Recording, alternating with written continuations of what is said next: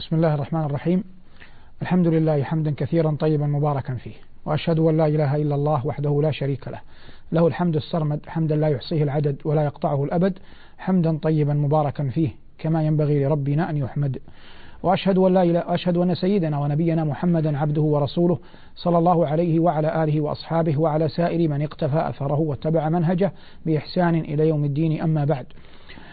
أيها الإخوة المؤمنون والأخوات المؤمنات السلام عليكم ورحمة الله وبركاته. وفي هذا المساء المبارك نلتقي مع, عد مع لقاء جديد من برنامجنا من معين القرآن. وحلقة هذا اليوم عنوانها صيد البحر وطعامه. وتذكيرا نقول إن اللقاء هذا المبارك إنما هو استسقاء واستنباط من كلام الرب جل وعلا وهو المقصود بقولنا من معين القرآن.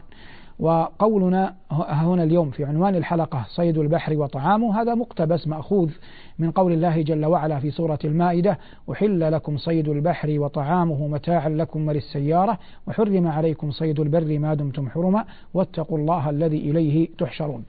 سورة المائدة تضمنت الكثير من الأحكام الشرعية. نقف الآن عند قول الله جل وعلا صيد البحر وطعامه. ما الذي نقصده؟ ما الذي نستسقيه من هذا الأمر العظيم؟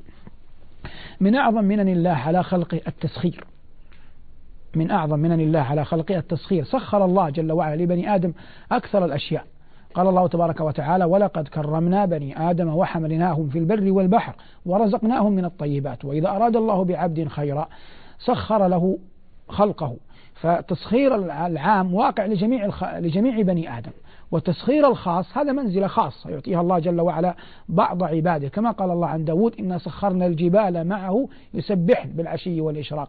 إلانة الحديد آه، صناعة الدروع وأمثال ذلك هذا نوع معين من التسخير خاص جدا أعطاه الله جل وعلا لداود. أما التسخير العام تسخير المخلوقات لبني آدم هذا لا خلاف فيه أنه من أعظم منن الله جل وعلا على عباده وسورة النحل بالذات من السور التي تكلمت عن هذا الأمر. وأجلته وبينته أكثر الإيضاح. نعود للبحر. البحر يطلق على الماء الوافر سواء كان ملحا أو كان عذبا سواء كان عذبا أو سواء كان ملحا. قال الله جل وعلا وهو الذي مرج البحرين هذا عذب فرات وهذا ملح أجاج.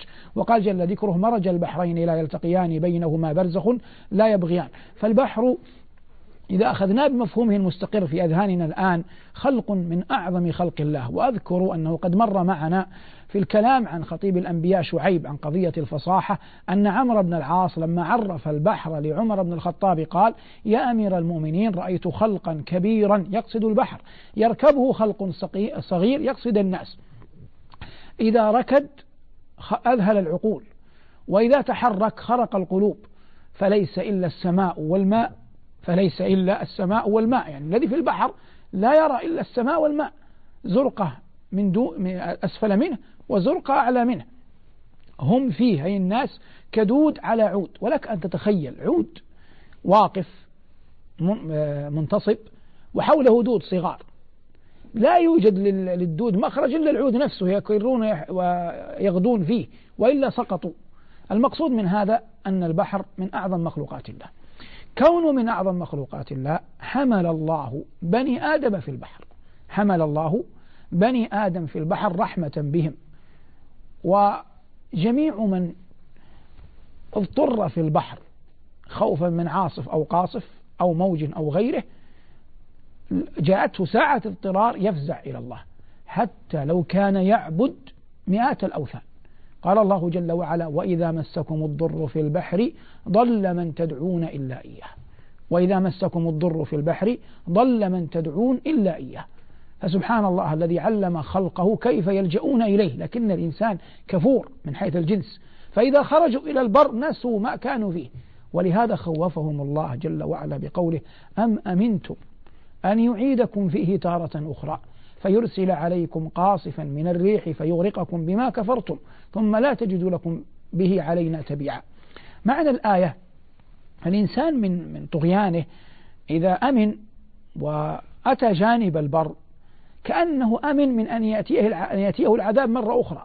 والله قادر على أن يسول لهذا الناجي في بره ما يدفعه لأن يأتي البحر مرة أخرى. فإذا أتى البحر مرة أخرى انتقم الله جل وعلا منه. مع أن الله قادر على أن ينتقم منه في البر لكن المقصود يعاملهم الله جل وعلا بمثل معتقدهم بمثل ما يظنون بربهم جل وعلا. أم أمنتم أن يعيدكم فيه تارة أخرى؟ فيرسل عليكم قاصفا من الريح فيغرقكم بما كفرتم. أعاذنا الله وإياكم من ذلك كله. نعود للعنوان. صيد البحر وطعام. صيد البحر مقصود المصيد الذي في البحر والمعنى ما صاده الإنسان. بأي وسيلة صيد كانت سواء قديمة كالشباك أو معاصرة كبعض الآلات المعروفة. طعامه عند جمهور العلماء ما طفى على الماء أو قذفه البحر. ما طفى على الماء أو قذفه البحر يسمى طعامه. قول الله جل وعلا أحل لكم صيد البحر وطعامه. هذا على الإطلاق. أي أن الله جل وعلا أحل صيد البحر وطعامه للمحل والمحرم. وقوله جل وعلا متاعا لكم وللسيارة للمسافر وللمقيم. للمسافر وللمقيم. أو بتعبير أوضح لكل أحد. والنبي عليه الصلاة والسلام بعث أبا عبيدة بن الجراح رضي الله عنه مع ثلة أخيار من الصحابة على ساحل البحر.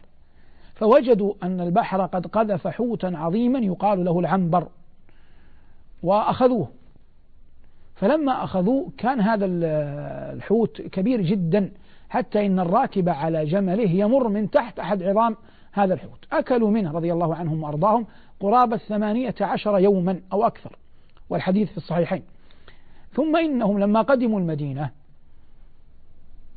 طبعا صحابة أهم, أهم شيء لديهم التعامل مع الله. بادروا إلى سؤال النبي صلى الله عليه وسلم عن حله فقال عليه الصلاة والسلام هو رزق ساقه الله إليكم فكلوا منه. يعني ما سلف من أكله حلال هنيئا مريا ثم قال وإن كان معكم منه شيء فأطعمونا فكان معهم منه شيء فطعم منه نبينا صلى الله عليه وسلم.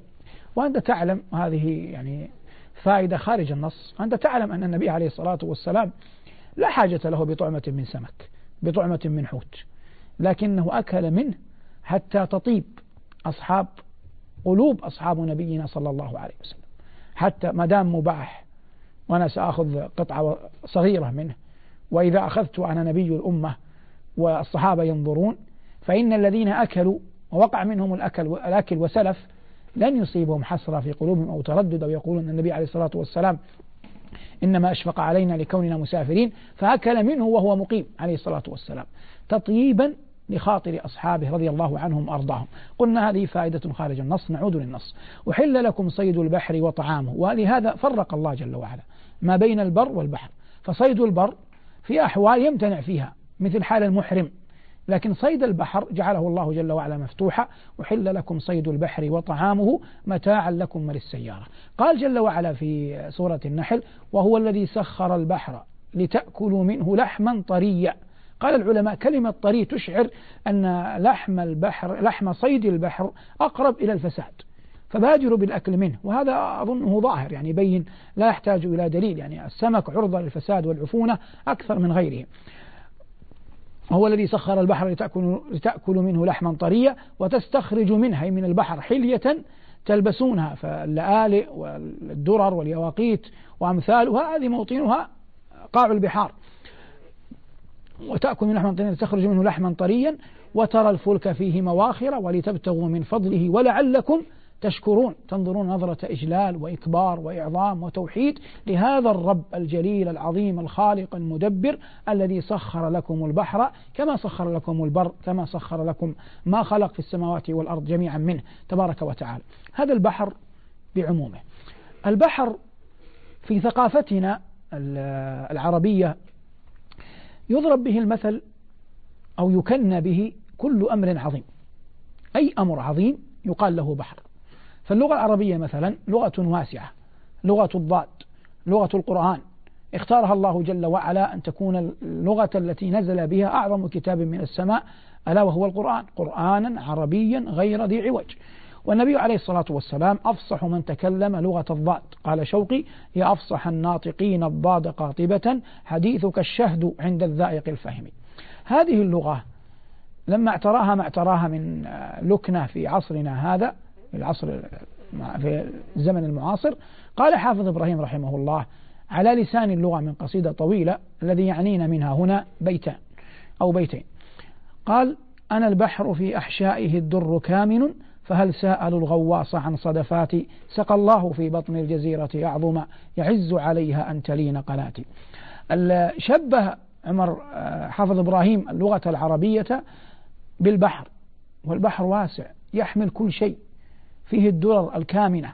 ولهذا قال على لسانها أنا البحر في أحشائه الدر كامن فهل سألوا الغواص عن صدفاتي؟ كما العرب كما قلنا في كل متسع تضرب المثل بالبحر تأتي للشخص الكريم الجواد. فإذا أرادوا أن يثنوا على أحد على أنه جواد على أنه كريم على أنه سخي شبهوه بالبحر. قال أحدهم وأظنه أبو تمام يمدح أحد الكرماء هو البحر من أي النواحي أتيته؟ فهجته المعروف والجود ساحله تعود بسط الكف حتى لو أنه ثناها لقبض لم تطعه أنامله ولو لم تكن في كفه غير روحه لجاد بها فليتق الله سائله. كان هناك العالم النحوي الشهير وقد مر معنا سيبويه سيبويه رحمه الله عالم فارسي. طلب العلم صغيرا وجلس ذات يوم عند أحد أحد المحدثين. يقرأ عليه حديث.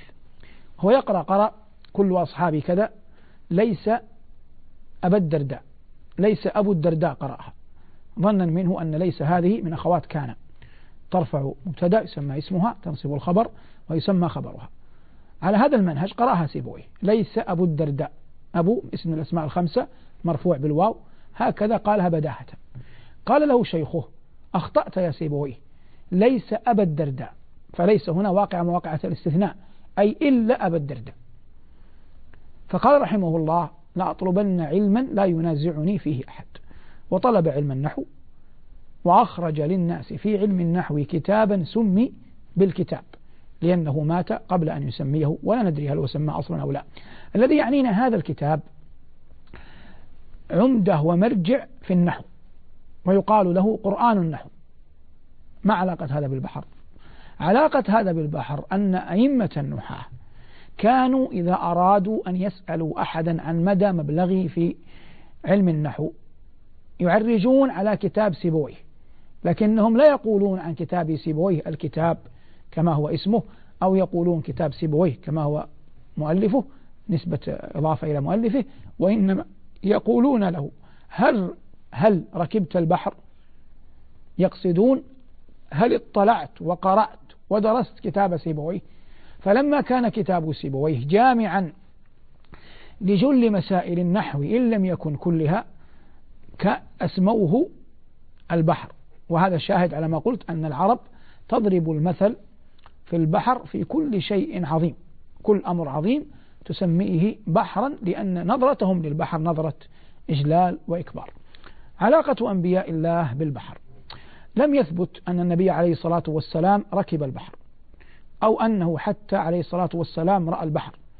يعني لا أظن شيئا يثبت أن النبي عليه الصلاة والسلام رأى البحر. لكن جمع من أنبياء الله ركبوا البحر. منهم من من نص الله على هذا نبي الله نوح. قال الله جل وعلا وهي تجري بهم في موج كالجبال والذي يظهر والعلم العلم عند الله أن الناس قبل نوح لم يركبوا البحر. لأنه لا يمكن أن يركب البحر إلا بسفينة. ويظهر والله أعلم أن نوح أول من صنع السفن. وهذا ما يدل عليه ظاهر القرآن لأن الله قال في سورة ياسين وآية لهم أن حملنا ذريتهم في الفلك المشحون وخلقنا لهم من مثله ما يركبون. من مثله يعني من مثل الفلك من مثل السفينة. فهذا يدل على أن السفينة هي النموذج الأول الذي ركبه أبناء آدم في البحر. لكني كما قلت هذا ظاهر القرآن ولا بد أن نفرق ما بين النص القرآني وما بين فهمنا للنص القرآني. النص القرآني هو الذي يحمل القداسة في نفسه. أما أقوالنا أقوال العلماء أقوال المفكرين أقوال المفسرين لا تحمل القداسة التي يحملها النص وإنما هي اجتهادات يدل عليها ظاهر النصوص ويبقى القول الفصل والعلم عند الله تعالى. نعود فنقول هذا نوح. وقد وقع أنه ابنه كنعان تخلف وظنا منه ظنا منه أن هذه ظواهر طبيعية فقال له أبوه لا عاصم اليوم من أمر الله إلا من رحم. وهذا خبر معروف ولا حاجة للتفصيل فيه لأنه نأخذ منه بقدر ما يكفي في علاقته بلقائنا هذا. ممن ركب البحر من أنبياء الله جل وعلا بنص القرآن موسى عليه الصلاة والسلام. ركبه عندما توجه إلى مجمع البحرين ليطلب العلم على يد الخضر.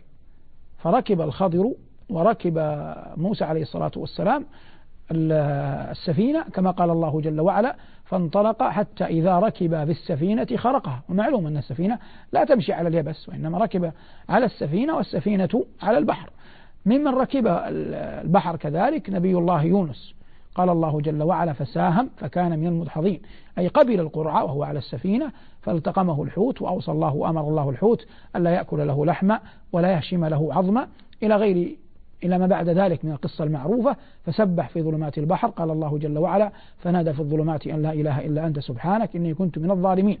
موضع الاستشهاد هنا الإثبات على أن هؤلاء الأنبياء الثلاثة رضي الله عليهم الصلاة والسلام ركبوا البحر بخلاف نبينا صلى الله عليه وسلم. غيرهم من الأنبياء لا نستطيع أن نجزم ركبوا البحر أو لم يركبوا البحر. قلت إن دائما إن الغيب لا يعرف بالتجربة ولا بالعقل وإنما يعرف بالخبر الصحيح المنقول عن نبينا صلى الله عليه وسلم وليس بين أيدينا نقل يدل على هذا.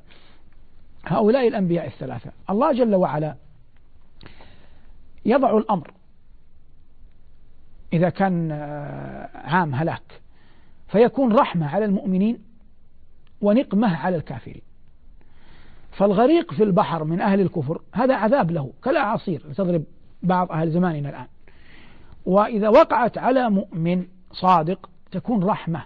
ولهذا قال عليه الصلاة والسلام لما سأل عن الشهادة قال إن شهداء أمتي لقليل. فعد عليه الصلاة والسلام في من عد من الشهداء عد الغريق. فالمؤمن إذا غرق مما يعزى به أهله أنه مات شهيد. وإن كان طبعا لا يرقى إلى الشهيد الذي مات في ساحة القتال آه، مقبلا غير مدبر لكن فيه نوع من التعزية في أنه مات شهيدا الغريق شهيد.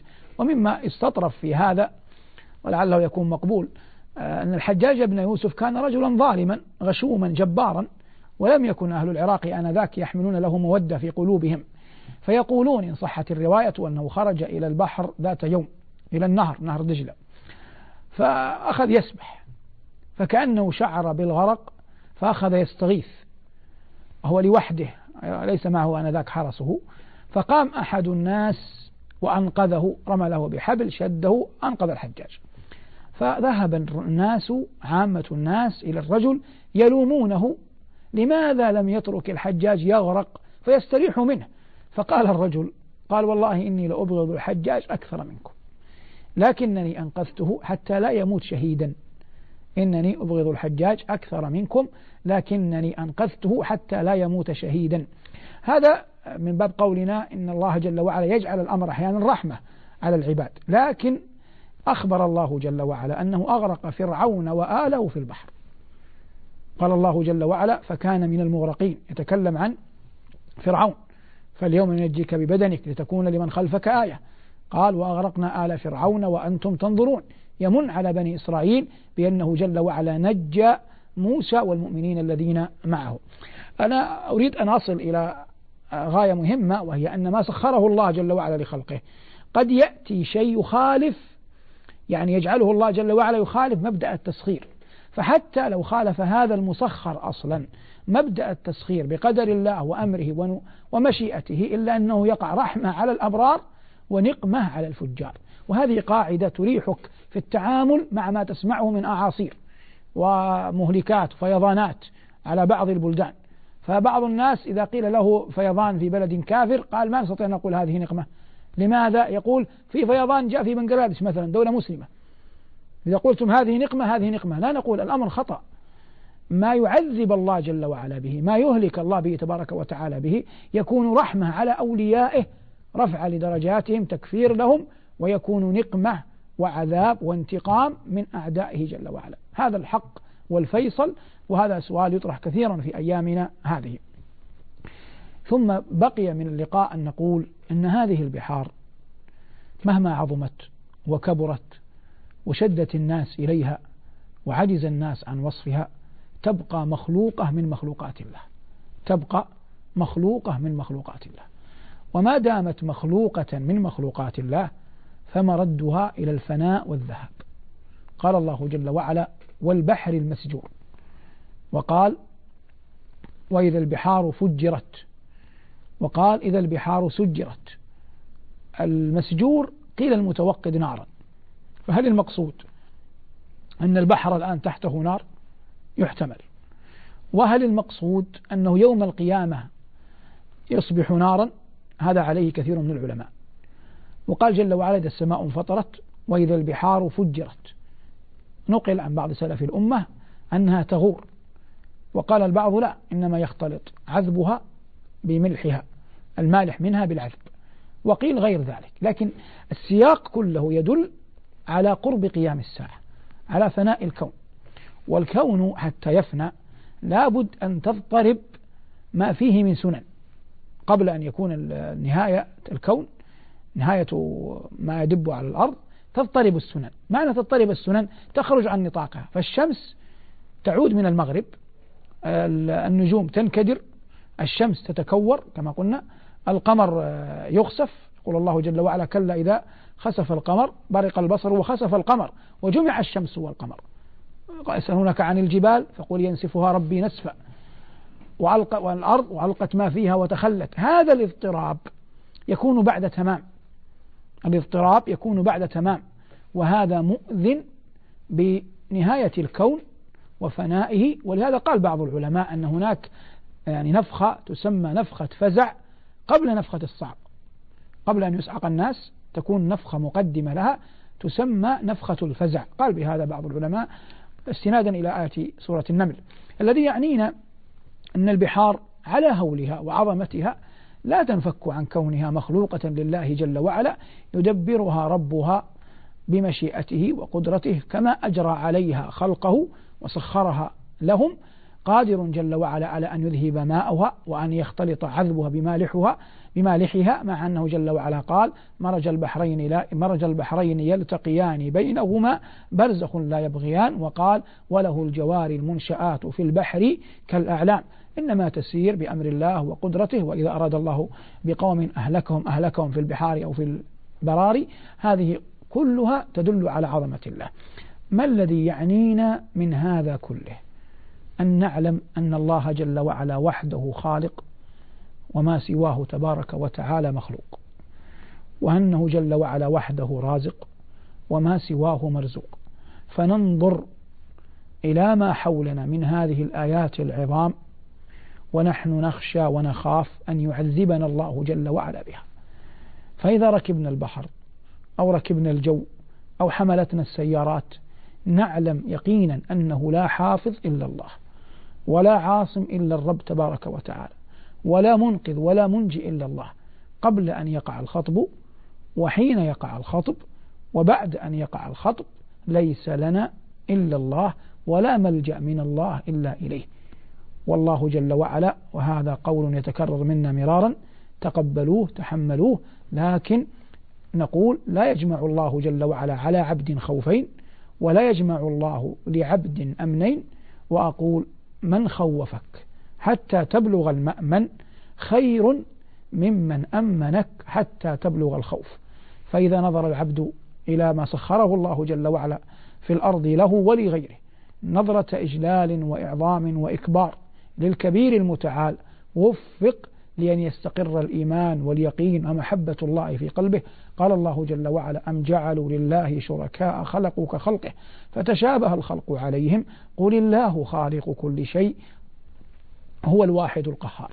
جعلنا الله وإياكم ممن يؤمن به غيبا وشهادة وأن يجعلنا وإياكم أن يسخر لنا ما نحب في أن ما أن يسخر لنا ما نحب في طاعته. وما يحبه تبارك وتعالى منا هذا ما تهيأ إراده وتيسر إعداده والله المستعان وعليه البلاغ.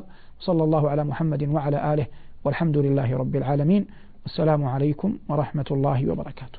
الله نزل أحسن الحديث كتابا متشابها مثانية تقشعر منه جلود الذين يخشون ربهم. ثم تلين جلودهم وقلوبهم إلى ذكر الله ذلك هدى الله يهدي به من يشاء ومن يضلل الله فما له من هاد